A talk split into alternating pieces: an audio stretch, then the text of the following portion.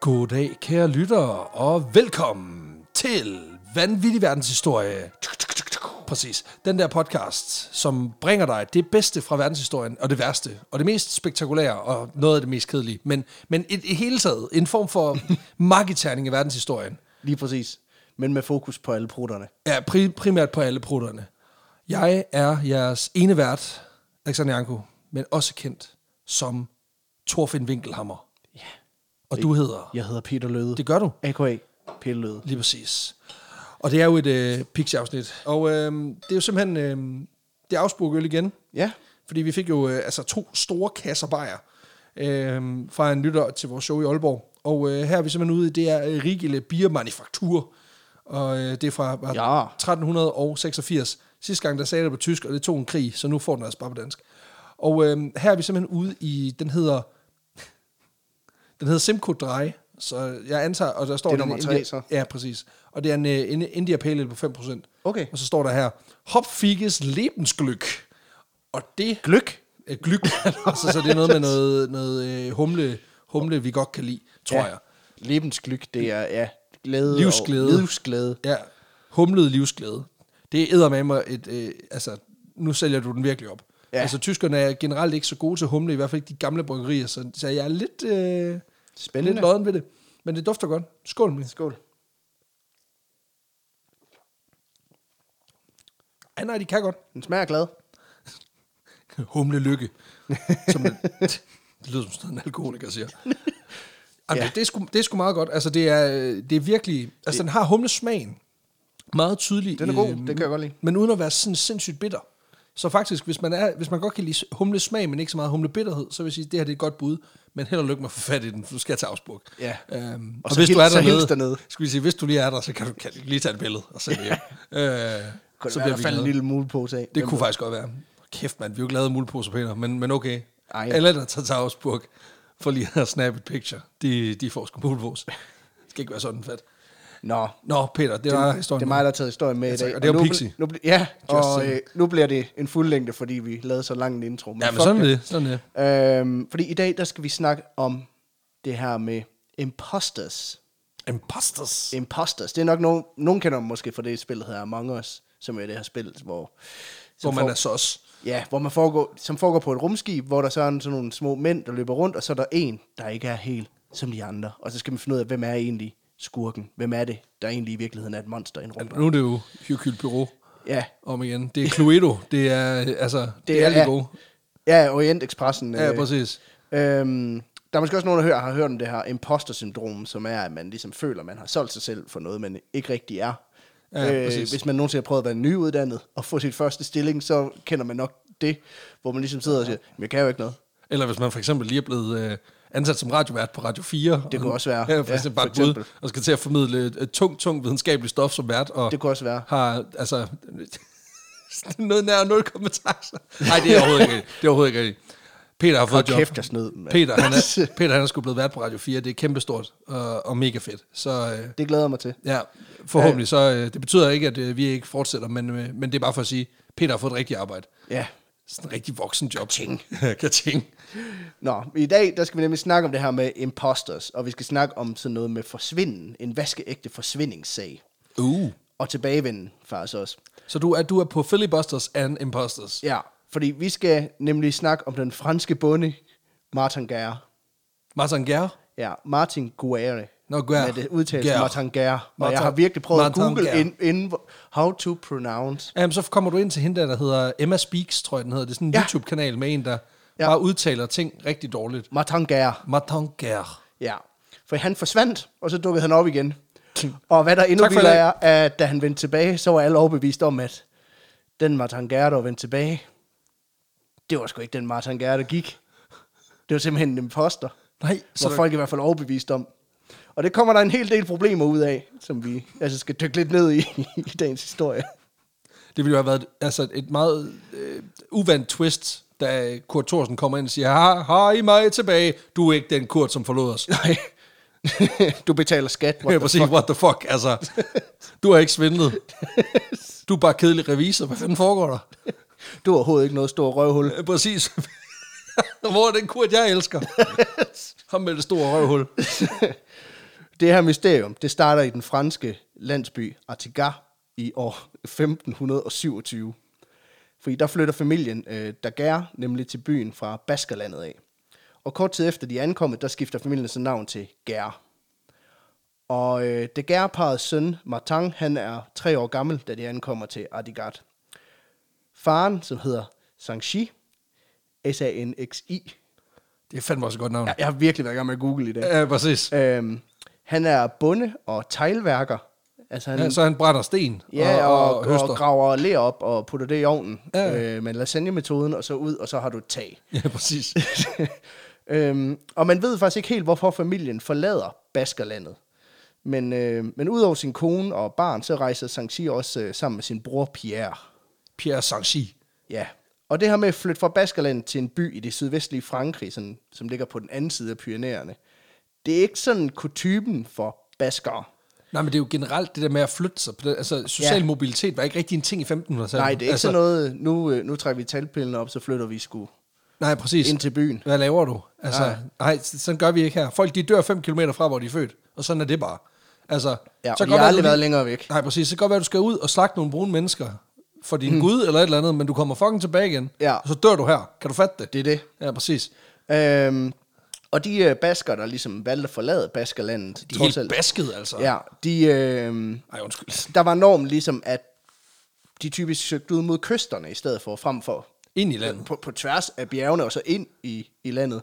Men, Hvad laver øh, I her? Men de søgte typisk, typisk ud mod kysterne i Spanien, hvor de så blev fiskere eller valfangere eller sådan noget. Okay. Øh, hvilket også er en badass profession. Oh. Det er den fedeste altså, profession. Altså, altså bare sådan, tage ud i en båd, og så prøve at finde et dyr, der er lige så stort som din båd. Altså, og så slagte Og så prøve at slå den ihjel med en pind. Altså, det, kæft, hvor skal du bare ville det, mand. Hvad har du? Ja, en lille spyd. Ja, præcis. Og prøv, lige- nu åbner den munden. Okay, der kan stå otte mand derinde. Super. Ja, ja, prøv at slå Så den med pinden, Pierre. Geppetto- Geppetto, han står inde i maven og vinker. sådan, ja, præcis. Der er sygt fedt herinde, mand. Der er alt det plankton, du kan De spise. spiller Mastodon hele tiden. mand. Snæv reference. Men samtidig så er det altså også unormalt, at den ældste søn i familien, han rejser væk, øh, fordi det ligesom er ham, der skal arve familiens gård. Ja. Ja. Og Sanxi her, han er, øh, han er den ældste søn, og han har så taget sin lillebror Pierre med på slæb, så der er ikke nogen tilbage til Så at nu arve. står forældrene, de bare står tilbage, bare tilbage på en gård og er sådan lidt, what the fuck? Ja, Eller, de er sådan lidt, fuck this shit, I'm out. Nå, For selvom man ikke rigtig ved, hvorfor øh, den her familie beslutter sig for at pakke øh, kone og børn og rejse mod nordøst, så skyldes det højst sandsynligt, at Baskerlandet i 1520'erne er blevet vært for en lille fejde, kan man Nå. Nå. kalde det. Uh, in the red corner, med en comeback på alt for meget, og et ego, der, er lige så stort som, øh, der er så stort, han skider guld, der har vi kong François, den første af Frankrig. ja tak. Og in the blue corner, en mand med så mange aliaser, at selv Alexander Janko synes, de er lige i overkanten. Karl den 5. af Spanien. A.K.A. den hellige romerske kejser. A.K.A. konge af det tysk-romerske rige. Hold kæft, mand, det er også slap lige af et øjeblik. Ja. De her to gutter, de er begge to meget interesserede i at konker Baskeland, så det var datidens krim på en eller anden måde. Ja. Og de bruger en del tid på at udkæmpe en masse krige i området i de her år. Og baskerne, som ikke rigtig er interesserede i at være en del af nu, hverken det ene eller det andet, de vil bare gerne passe sig selv og deres marker. øhm, de har det sådan lidt som en halvmukken mandarin, der bliver smadret mellem to kampesten. Ikke specielt godt. Okay. Altså, der er en, altså en mere åbenlyst reference, det er jo noget med ukrainer eller noget, men, men du vælger at gå med en mandarin, der bliver smadret mellem to sten. Okay. Jeg Det er fordi, jeg synes, billedet var meget passende på en eller anden måde. Ikke? Ja, selvfølgelig. Ja, det har du aldrig prøvet. jeg, ved ikke, jeg ved ikke, hvad du lavede, du var barn. Nej, nej, nej, det er selvfølgelig rigtigt, men altså, smadret, altså så, så meget had havde jeg, og animositet havde jeg ikke mod citrusfrugt. Nå. Øh, især ikke dårlig, halvdårlig citrusfrugt. Men basker til gengæld. Ja, ja præcis. Ja, dem smadrede jeg mellem to sten, hvis jeg kom, hvis jeg kom i nærheden af en basker. Så, først så tog jeg hans hue, og så Baskede bankede jeg ham. jeg, og så baskede jeg ham med to kampesten. Ja. Men den her familie, de ankommer altså til Ardigat, der ligger øh, ved foden af Pyrenæerne i 1527 med lille Martin på slæb. Og Ardigat, Han ville ikke med. Artigar, det er sådan et ret nice sted at være Okay. okay. bondefars. Fordi der er ingen herremænd, øh, der hersker over byen. Og det betyder, at alle bønderne i byen, de er faktisk uafhængige og ejer deres egne marker og, og jorder. Meget innovativt i 1500 så. Ja. Og familien, de kommer netop fra en by, hvor de finere folk, de sådan uden videre lige kunne bestemme over befolkningen og indføre nye regler. Og Gør lige det her. Blande sig lidt i retsforløbene og sådan noget. Ja, okay. Og det er ret interessant, fordi dagens historie, den havde nok ikke udspillet sig, som den gør, hvis der havde siddet en gut, der netop kunne påvirke retssager. Nej, okay. Og lige sige, det der, det er noget pjat. Så, så det er kun fordi, I flytter derhen, at det kan lade sig gøre, kan man sige. Jo, men det er også dejligt, når, når historien den, den, den twister på den måde. Ja. Familien slår sig ned lige øst for byen Læs, og, øh, eller Læsé, og her begynder de at høstelere og producere teglsten, præcis som de har gjort tilbage i Baskerlandet. Og øh, der skifter de altså også navn fra Daguerre til bare hed Gære. Ja. Øh, højst sandsynligt for at passe lidt bedre ind i Artigar her. Kæmpe assimilering lige der. Søren Pind, han klapper i sine små fede hænder. Ja, det er ligesom, når vi, vi og flytter til, og så, nu hedder jeg Mohammed Jensen. altså, totalt cool, mega fedt, du gør noget, lyder lidt mærkeligt. Helt vildt. Det er ligesom, det er ligesom det, de der, der, er en- altså, når man får en dessert, hvor det er is, der er bagt i ovnen, hvor man er lidt sådan, what? Hvad er det her? der er noget, der What ikke kind passer of sorcery is this? Ja. Må man godt, er det ikke ulovligt? Der er nogen, der har begået gastronomisk harakiri herude. Prøv lige, prøv lige at kigge på det engang. Nu, prøv, nu kværner han peber ud over den fucking psykopat. Hvad laver han? Altså, prøv, der er nogen, der arresterer ham der med den halve meter lange peberkværn. Hvad fanden foregår der? Ja, sæt, dig, sæt dig ned. Altså, jeg magter ikke det der. Det er faktisk en real life experience, det der. Min, ja, ja, mine forældre, de spiste på den gamle kro i Hornslet, det jeg var øh, fire år. Så kommer der en ind med en indbagt is, og så begynder han at kværne peber ud over. Og der kunne jeg godt mærke, lidt ligesom min, mm. da, da, jeg sagde, det er, ikke, øh, det er ikke et brændsår, som spider sagde, det gider jeg ikke det der pis. Der, var, der kaldte jeg den også bare iskold, bare kiggede på ham manden der og sagde, prøv at, det der, det stopper nu. Altså, Det er fucking der, mærkeligt. der er jeg ligeglad med, at jeg var fire år. Altså, jeg har nok- nok sagt noget i retning af, er den god? Eller sådan noget. Mm. Øh, eller tænkt, hvad, altså, Han er syg i hovedet, Ja, ham der. præcis. Hvad fanden foregår der? Hvad laver han? Hvad laver manden, mor? Men øh, ja, det var, det var, det var for han, mærkeligt. han, øh, han gør det, han skal. Han kværner peber ud over min indbagte is, der lige er kommet ud af ovnen. Hallo, knæk. Altså, det kan du sige dig så selv. fat det dog, det er jo, Hvad det er jo det halv, det er 90'erne for helvede. du ikke vi- forstår, mand. Vi er helt hjernedøde. Altså, har du set, har du set Aqua? Altså, der, prøv at høre, folk er, folk er syge i hovederne. Altså, prøv at høre, de har lige lavet en sang, der hedder Dose Slime. De, altså, de, kok, de kokser fuldstændig. Men de falder i hvert fald ret hurtigt til her Okay, i, her i, sindssygt. her Bare i kør Artigar. Øhm, fordi øh, Martins mor ender med at føde fire døtre, mens at Pierre, onkelen her, han ender med også at gifte sig med en lokal kvinde. Okay. Okay. Så de falder ret hurtigt til Skide godt. øh, og bliver taget ret godt imod. Øh, alt i alt, så bliver Gær-familien ret hurtigt en stor del af Artigar, og, øh, og formår faktisk at, at arbejde sig helt op fra de lavere dele af samfundet til rent faktisk at have lidt penge på lommen på grund af det her teglværk, de laver. Det er også bare nemt, når man graver værdifulde genstande op af jorden, og så laver dem til endnu mere værdifulde genstande, og Det er sælger det. dem til lokalbefolkningen. Det er det. Altså, de har kottet mellemmanden ud, Ja. Det er sådan sælger direkte fra teglpusher, fabrikken. Ja, præcis. lærpusher. Kæmpe lærpusher lige der. Øh, det er ikke sådan, at de er super velhavende, men de, Nej, de, de er okay de er bedre velbeslået stillet i end forhold til... sådan en almindelig mand, kan man Ja, ja. sige. Og det er så her, at, at Martin Gare, han ligesom vokser op. Og man ved ikke så meget om hans barndom, men han har nok ikke gået i skole, og har nok højst sandsynligt heller aldrig lært at læse. Og alligevel så bliver han beskrevet som arbejdsom øh, i familiens teglværk, og som en ret flot fyr, hvad jeg kan forstå. Ja, og det er Gaston, altså. Lidt, ja, og, men det er lidt svært at sige, fordi han er i samfundet, hvor ikke lige dem, der sådan blev malet billeder af. Nej, men, Men, der er øh, ingen, der laver tegl som Gaston. Nej. Eller som Martin. Nej, lige præcis. Men det er jo heller ikke rigtigt det samfundslag, der sådan er, generelt set er synderligt veldokumenteret. Netop Nej. fordi de ikke kan læse og skrive. Øh, Jo, jo, men også fordi, der er ikke nogen, der har haft... Altså, det der altså, sociologer var ikke rigtig en ting på det tidspunkt.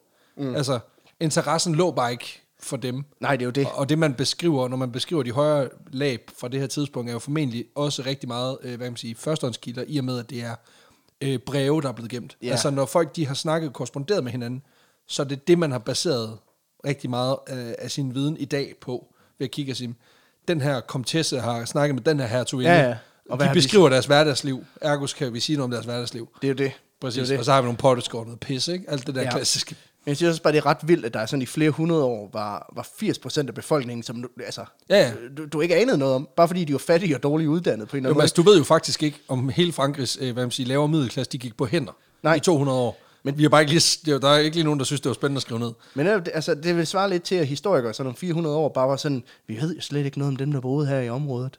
Men udgravninger tyder på, at de har tilbedt en form for gudefigur ved navn Brøndby.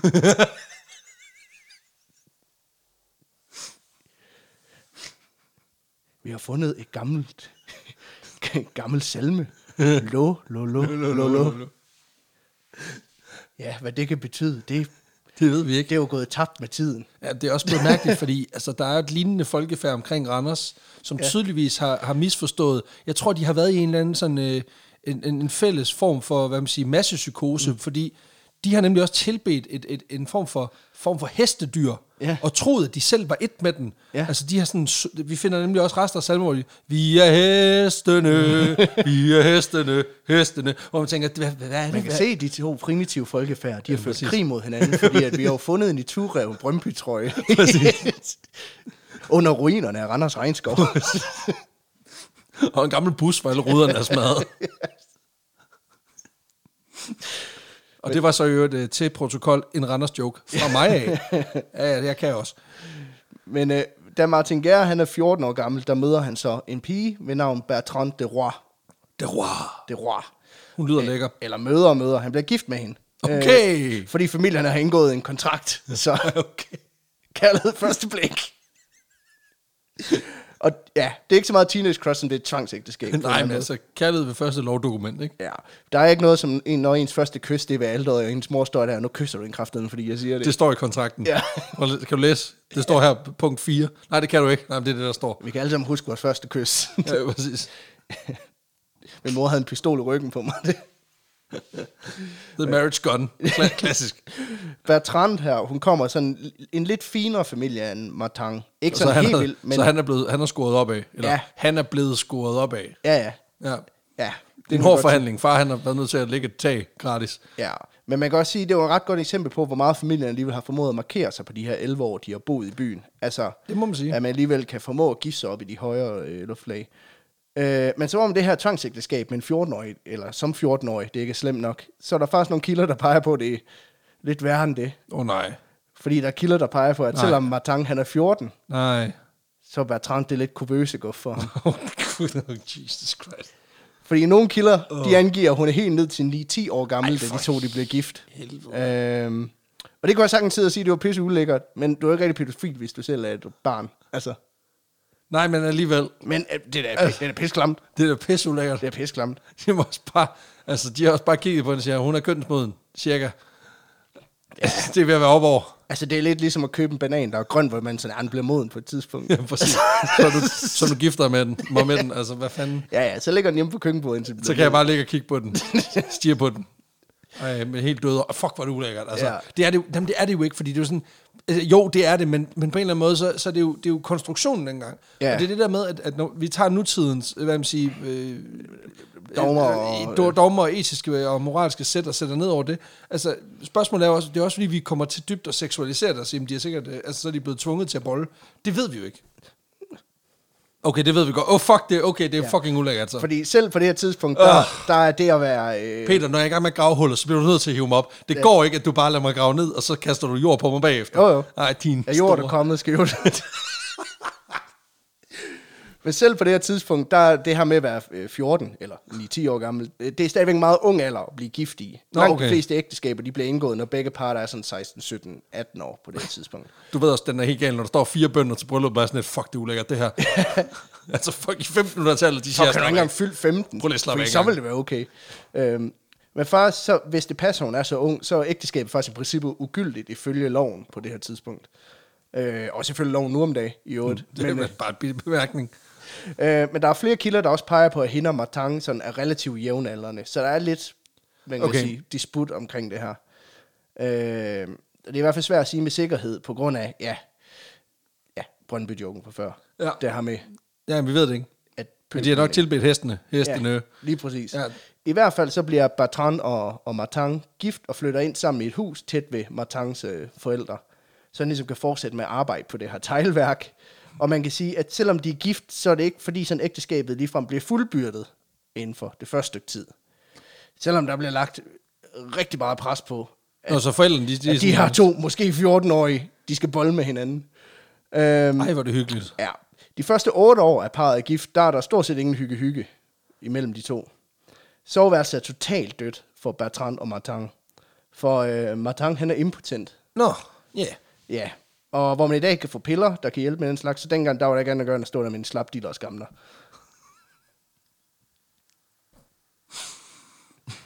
Som du kan skrive det. altså, Ja. åh, det er lækkert. Jamen, det er der, flot. derude i Avlum, hvor jeg kommer fra, der siger man jo, Der var det det. der, der findes ikke impotens, der findes kun grimme kællinger. Præcis. det er en sindssyg sætning. Ja. Det sagde man også der, hvor jeg kommer fra, og det, det, det er jo der, problemet ligger, kan man sige.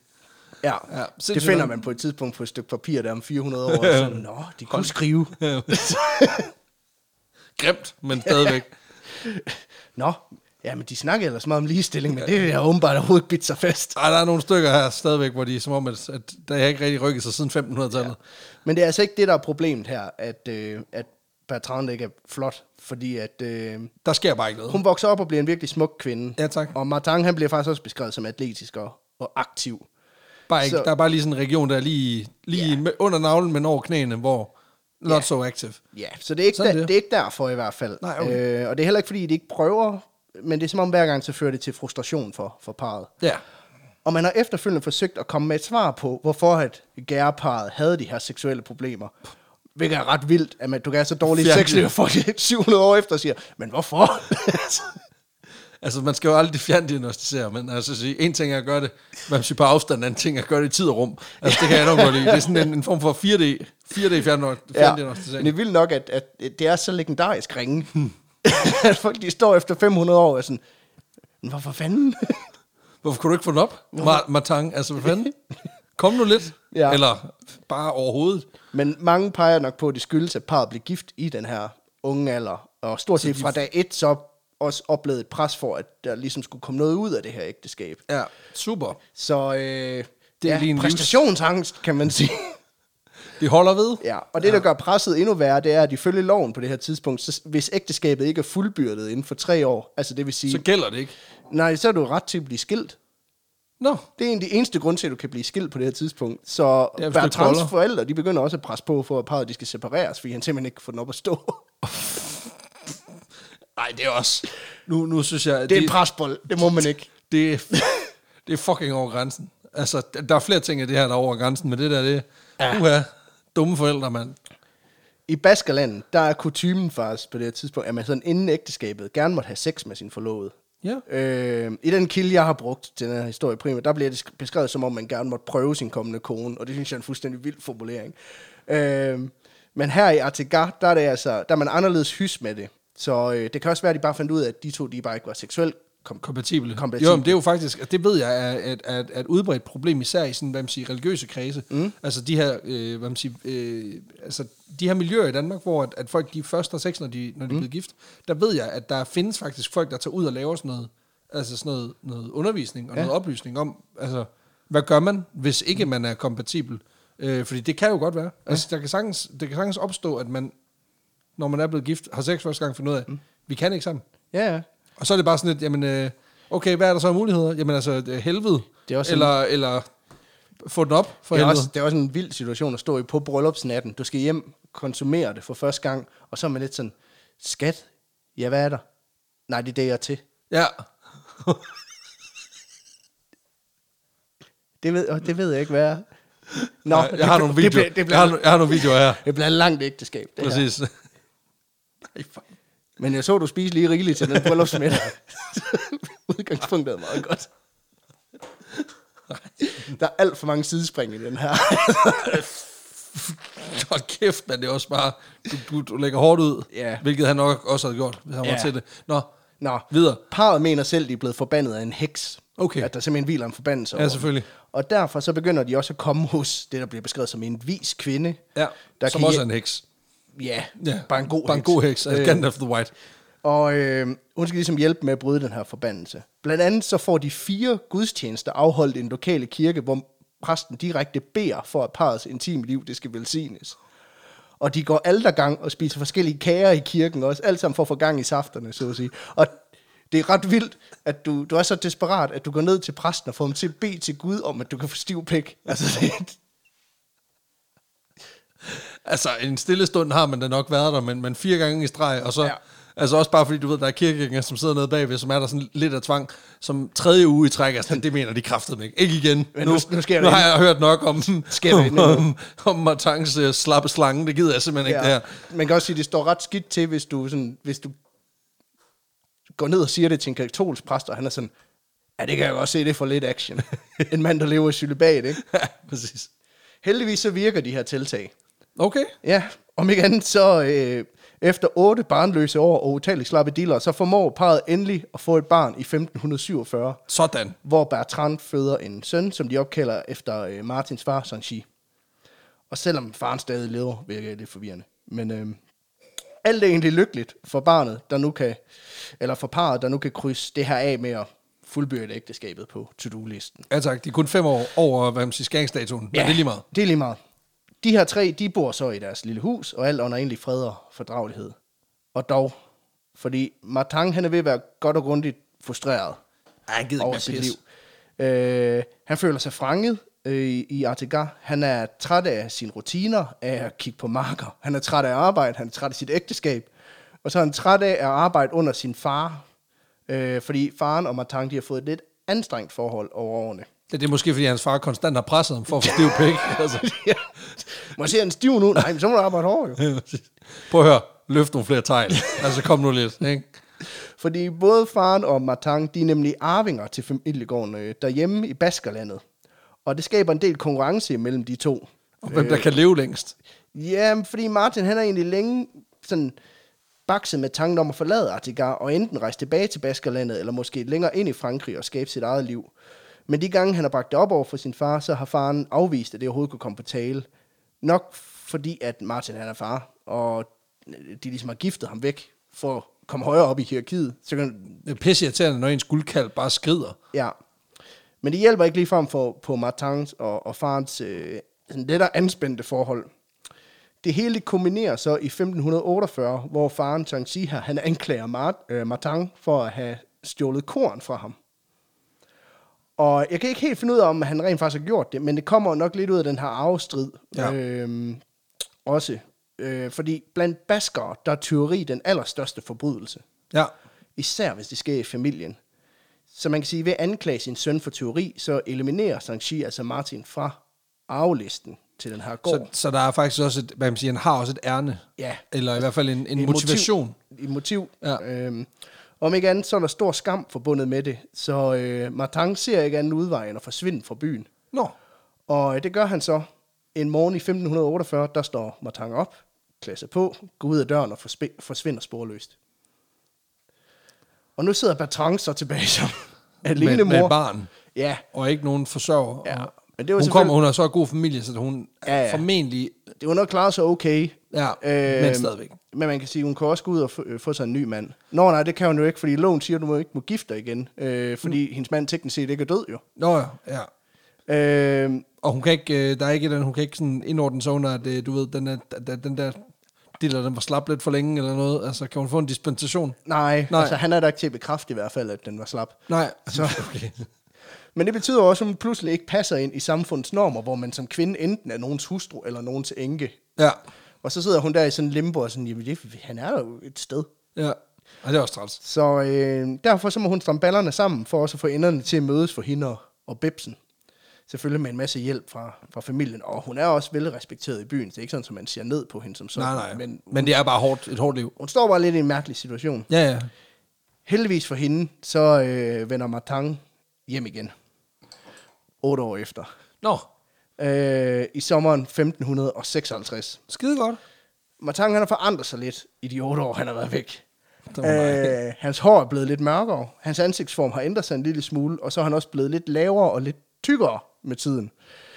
Men øh, ja, Der er ret mange af de ting, der, der ikke sker på otte år. i 1556, der vandrer Martin i hvert fald ind på torvet i Artigas, og er sådan, haha, i mig tilbage. Ja, der var den. og folk i byen, de er ellevilde. Endelig er han kommet hjem igen. Ja, den, den fortab, byens Ja. ja. fortabte søn. Og han ligner jo egentlig sig selv, på trods af de her små forskelle.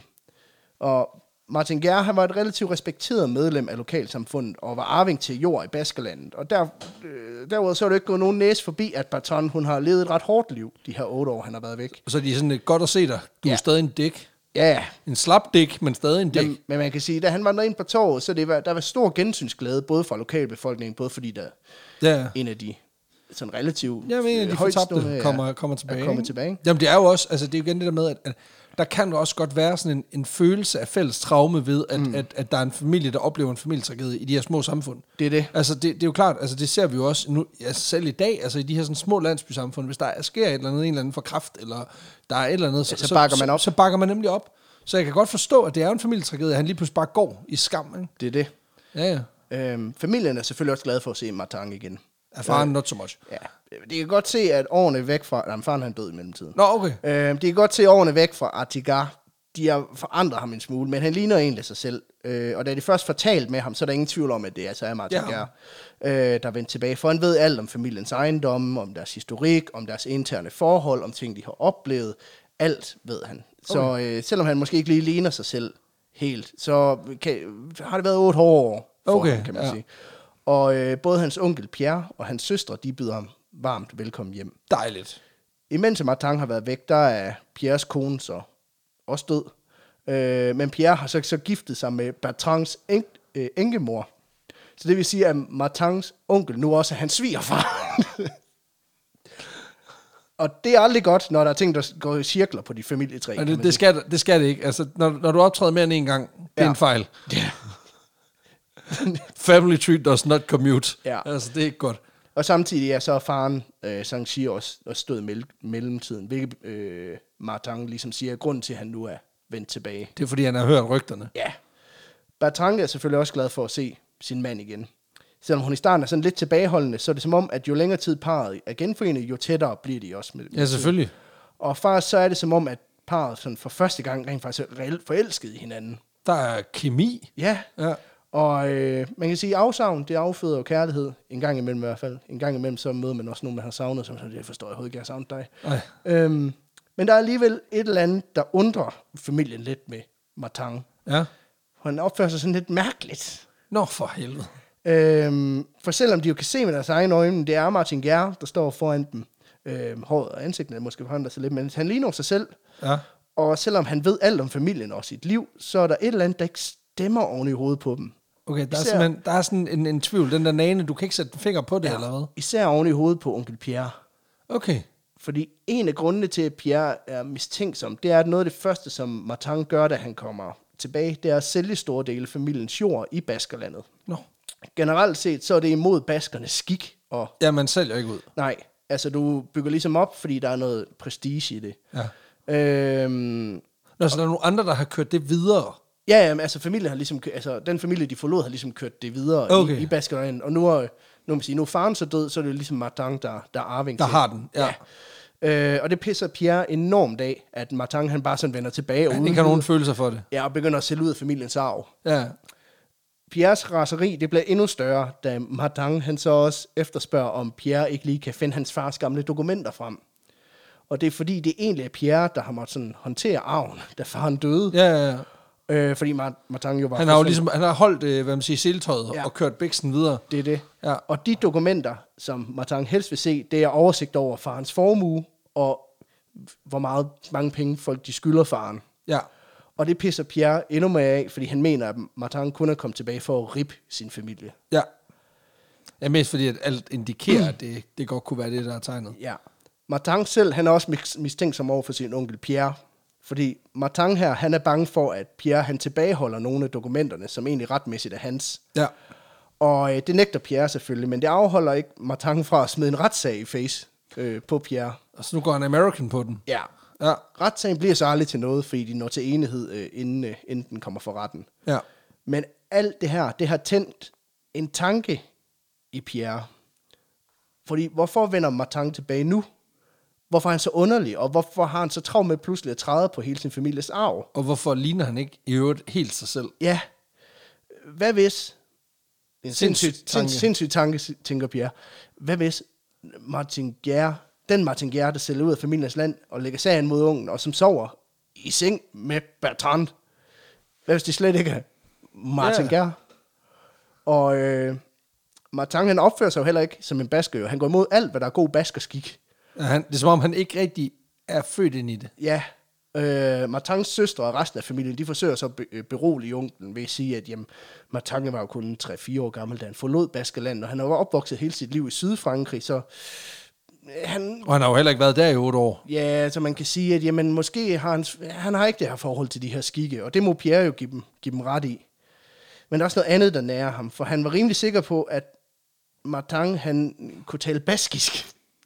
Ah. Og det kan han ikke nu. Nej, men det, det, det er ikke ligesom at cykle. Det Nej. kan man godt glemme. Det er det. Fordi det siger familien nemlig også til ham, jamen prøv at høre, altså han er opvokset med den lokale dialekt her i Frankrig, og har kun lært baskisk af sine forældre, men har stort set aldrig brugt det til noget. Nej.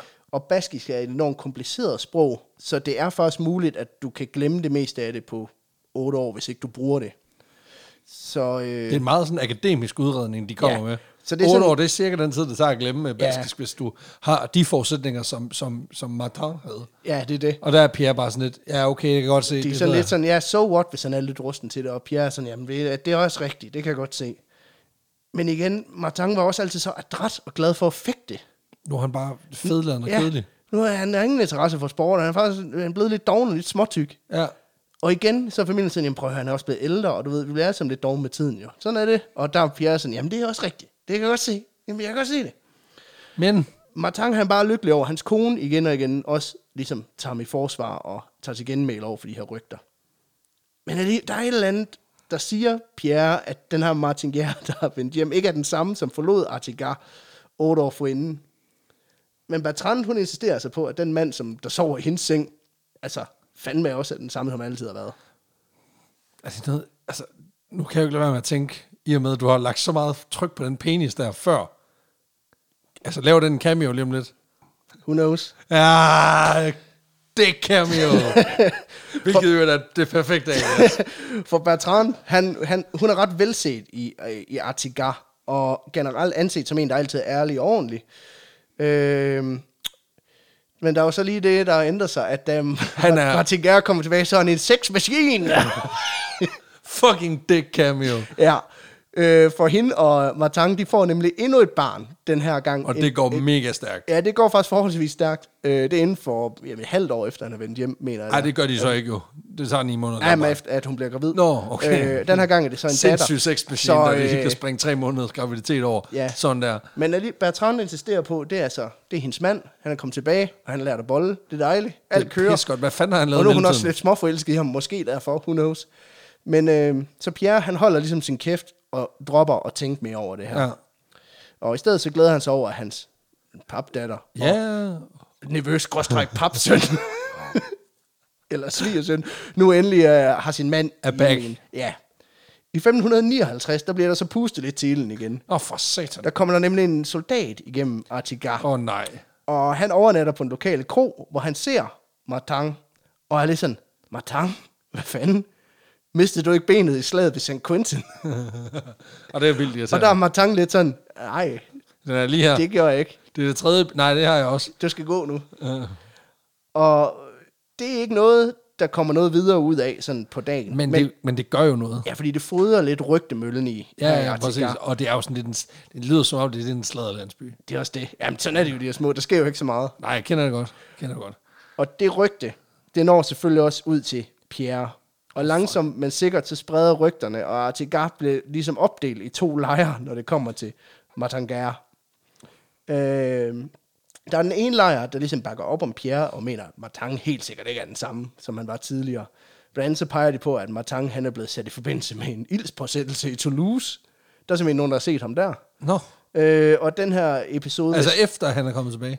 Ja, altså de, de siger, jamen ham der, derovre med to ben, det er, øh, han har sgu sat ild til en lade i Toulouse. Nå, okay. Øhm, og han- han kommer også i fængsel for det. Og det er faktisk Bertrand, der er nødt til at hive ham ud af fængsel igen. Nå for fanden. Øhm, og øh, så den her episode med soldaten, den var også lidt weird. Så det er ligesom den ene lejr. Ja, der er en masse indiger. Ja, den anden lejr, de insisterer så på, at Martins adfærd altså, er ret almindelig sådan i forhold til skikkene i Artigar. Ja, ja, ja. Øh, selvom de måske er mærkelige for baskere, så det er, så, han er jo vokset op her, så selvfølgelig er han sådan. Ja. Og samtidig så stoler de jo på hende og Bertrand, der jo altså siger god for sin mand, og hvis der er en, der kan kende hende, så må det jo være, så må det være hende. Ja, ja, Øh, så byen, den er virkelig opdelt omkring det her, og det ender faktisk med, at Pierre, han hiver Martin i retten for at have stjålet sin egen identitet.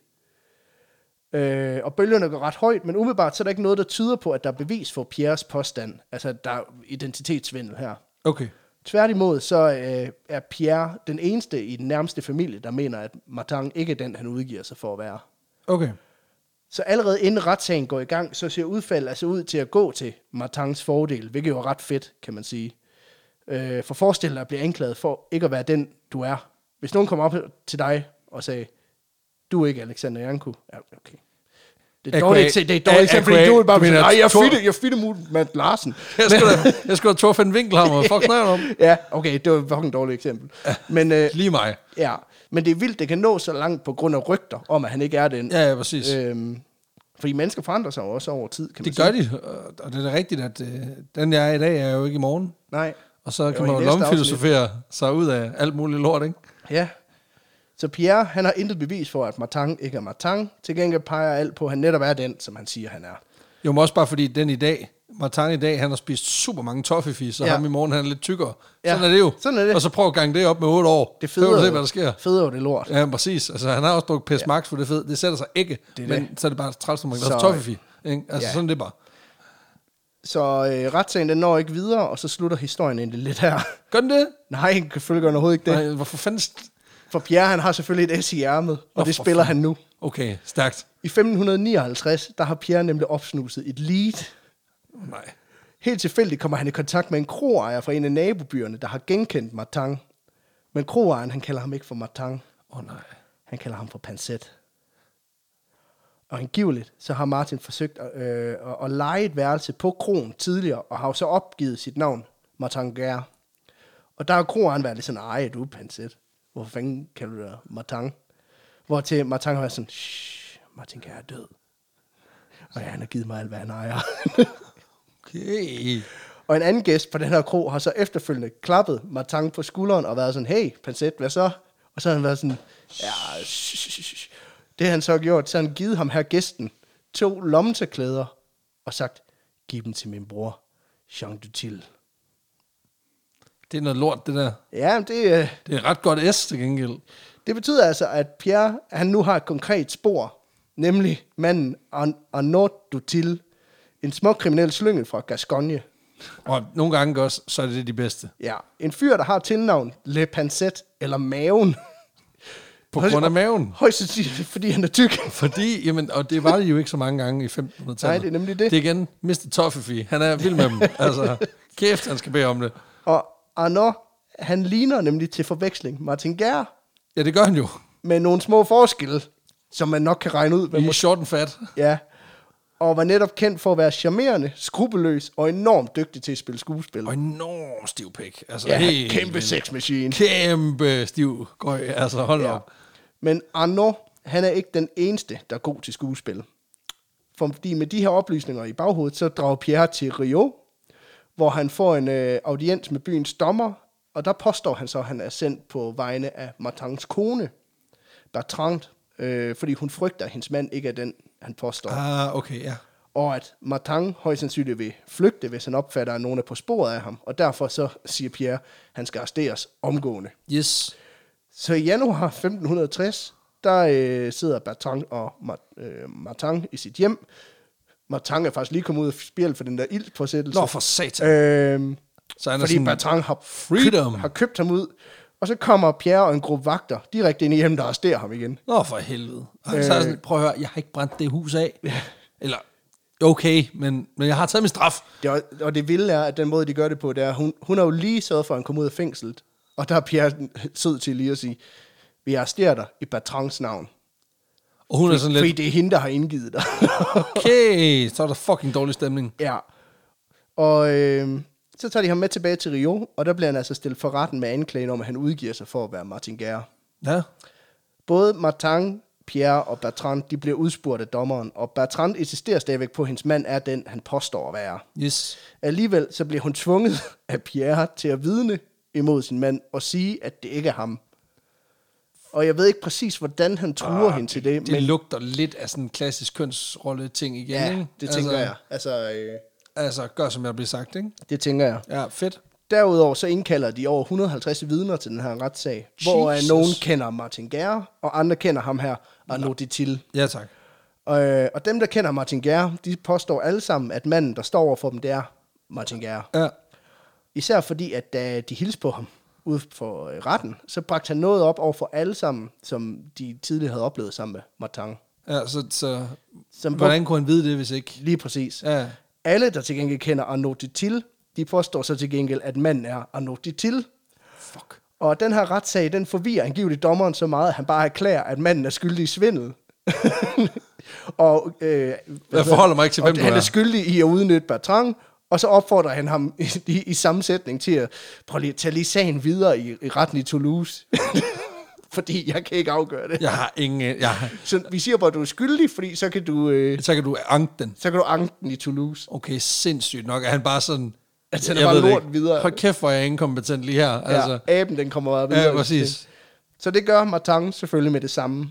Og det betyder, at Pierre og Bertrand de bliver arresteret for at have frem, øh, fremstillet falske anklager over for Martin Gær, og øh, bliver også anklaget for at lyve i retten. Så for fanden. Hold kæft, hvor ville det egentlig gøre rigtig meget for sådan det der, nu når du siger sende aben videre. Forestil dig, hvis man, havde en, sådan- hvis man nu ville gøre det, mm. så skulle man fysisk gøre det. Så skulle have sådan en super aggressiv makakabe i et bur, og så skulle du gi- fysisk give den videre til den næste. Som sådan øh, dødens øh, olympiske fakkel. Ja, præcis. Jamen Altså, også bare, altså ideen om, at, at, at altså, så skal du virkelig ville det. Hvis du, okay, jeg magter ikke det her. Du tager den. Jeg er også nødt til at finde en makakab og putte den ind i et bur. Men drillen er på din bane. Ja. Ja, præcis. Og det håber jeg bliver en ting, men drillen er på din bane nu.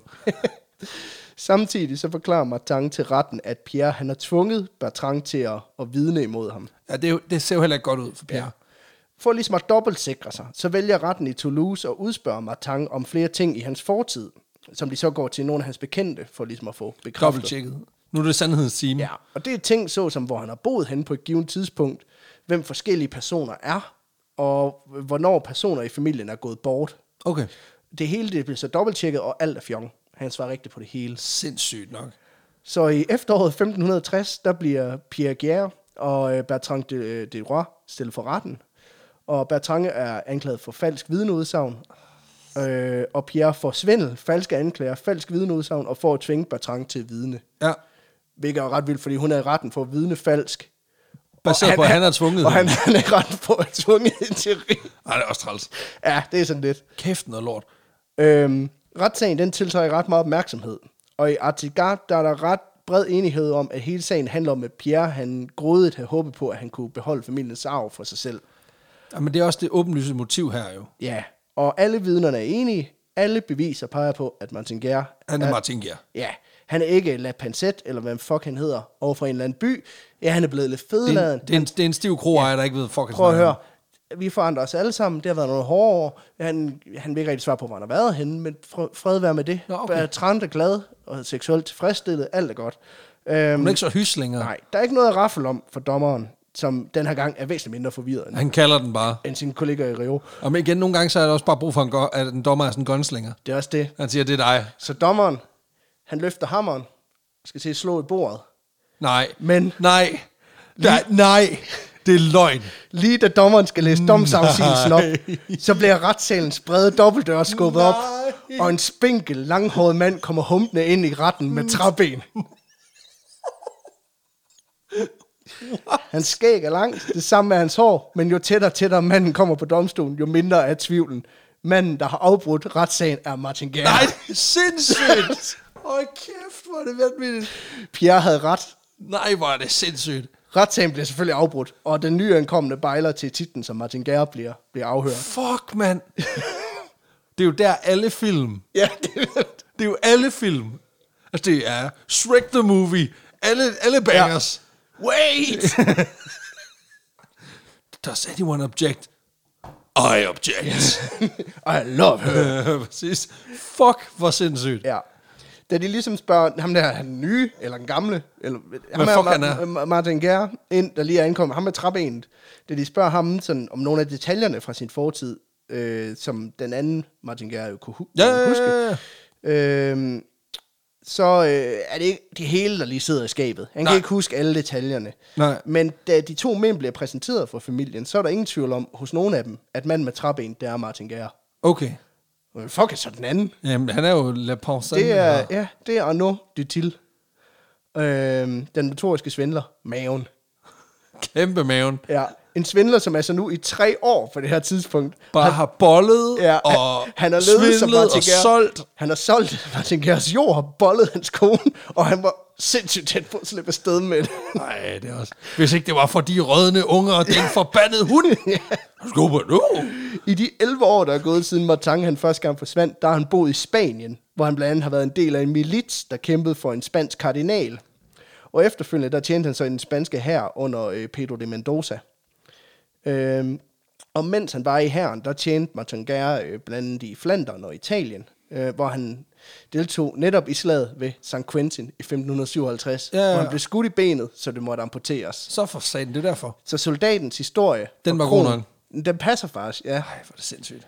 Efterfølgende, der bor han så i et øh, kloster i Spanien, før han vender hjem, fordi han højst sandsynligt har hørt, at han var involveret i en retssag i sin gamle hjemby. Nej, det er også træls. Øhm, men ved du, hvem der også tjente samme sted under samme krig? Ja, det gjorde øh, Arno Tille. Og nu er du til, lige præcis. Du Tille, undskyld. Han tjente nemlig den spanske hær under den spanske invasion af Frankrig. Og der var Martin også på samme side. Altså, De var homies. Ja, de kæmpede begge to på samme side i slaget ved øh, Pica- øh, Picardiet. Picardiet.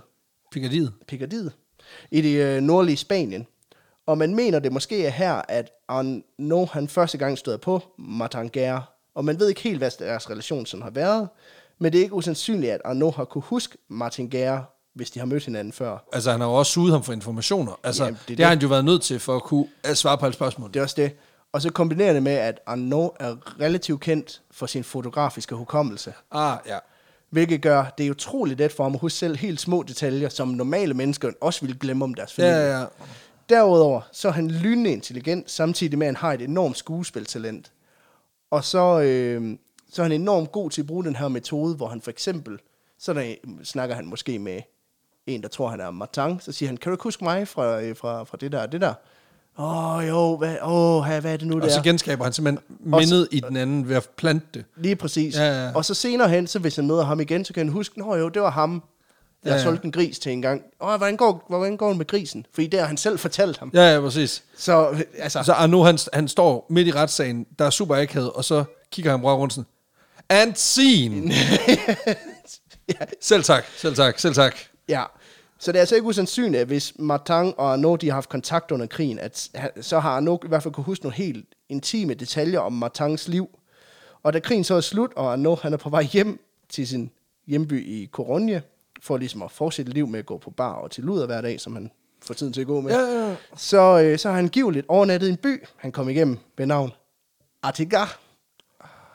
Og fordi han lidt en baryler, så er han selvfølgelig gået på den lokale kro for at drikke sig pissfuld. Ja, Og der er han så blevet genkendt af to af Martin Gers kammerater. Fordi han jo ligner Martin Gers. og Og, så tænker han, jeg spiller den bare. og ja, så han, han, så han simpelthen, Nej, Nej, det er det så- når, de tror, jeg, når jeg ligner ham nok til, at de tror, jeg er ham. Og jeg ved, hvem han er. Ja. Sindssygt. Og gennem de her kammerater, Nej, Nej, det er der s- finder Arnaud altså ud af endnu mere om Martin og hans liv. Fuck. Og så Fuck. bruger han angiveligt tre år på at finde ud af alt, han kan om Martin og hans liv. Simpelthen, så han kan overtage hans liv, og ikke mindst de mange penge, der ligger i Gjerre-familiens land. sindssygt, det der.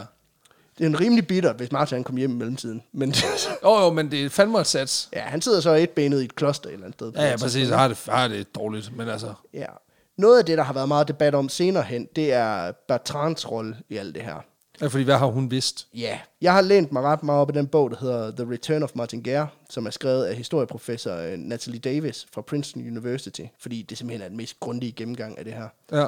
Øhm, og hun øh, dykker meget ned i retsdokumenter og beskrivelser fra retssagen. Så det er også derfor, jeg ved, at det er rigtigt, at han er mødt op til sin egen retssag Ja, ja, og øh, afbrudt den. Sindssygt. Og hun peger på, at Bertrand sådan ret tidligt i forløbet blev klar over, at den mand, hun boede sammen med, ikke var hendes rigtige mand.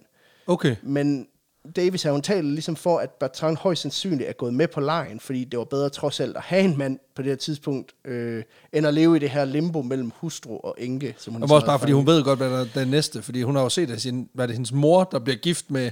Altså, hun ser ligesom, at familietræet går i loop rundt omkring, og tænker sådan lidt... Ja. At, at, at, Så er nok det kommer familie- noget frisk blod, faktisk. Ja, ja, på en præcis. eller Ved du, anden hvad, jeg magter simpelthen ikke flere med harskov. Ja. Altså, det, det går ikke. Blandt andet så peger Davis på, at det nok er usandsynligt, at hun ikke har kunne kende sin mand, fordi, ja, s- Ja, obviously. og hun har kigget på dilleren jo. Ja. Altså, den er stiv, Øh, den der. Det, og- det, det, det kan jeg ikke, det Ja. Øh, kan jeg ikke genkende. Øhm, men hun fastholder jo også benhårdt som den eneste, at altså, der, hun er den eneste, der ikke er nogen tvivl ved, hvorvidt det er ham eller ej.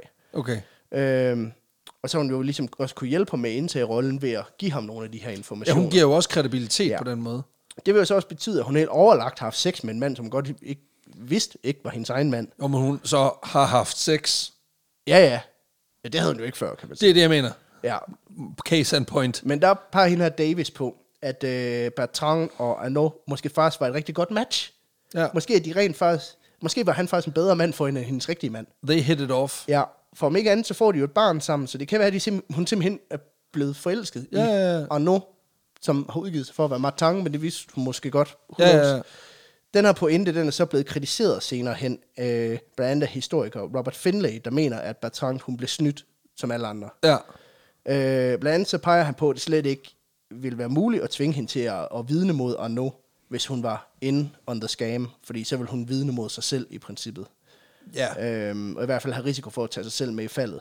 Til gengæld vil det jo så betyde, at hun har gået derhjemme, og så er hendes mand kom hjem og lige pludselig var stivt dolk på hele tiden. Sådan, hold da kæft, du er blevet en tyr, mens du var afsted.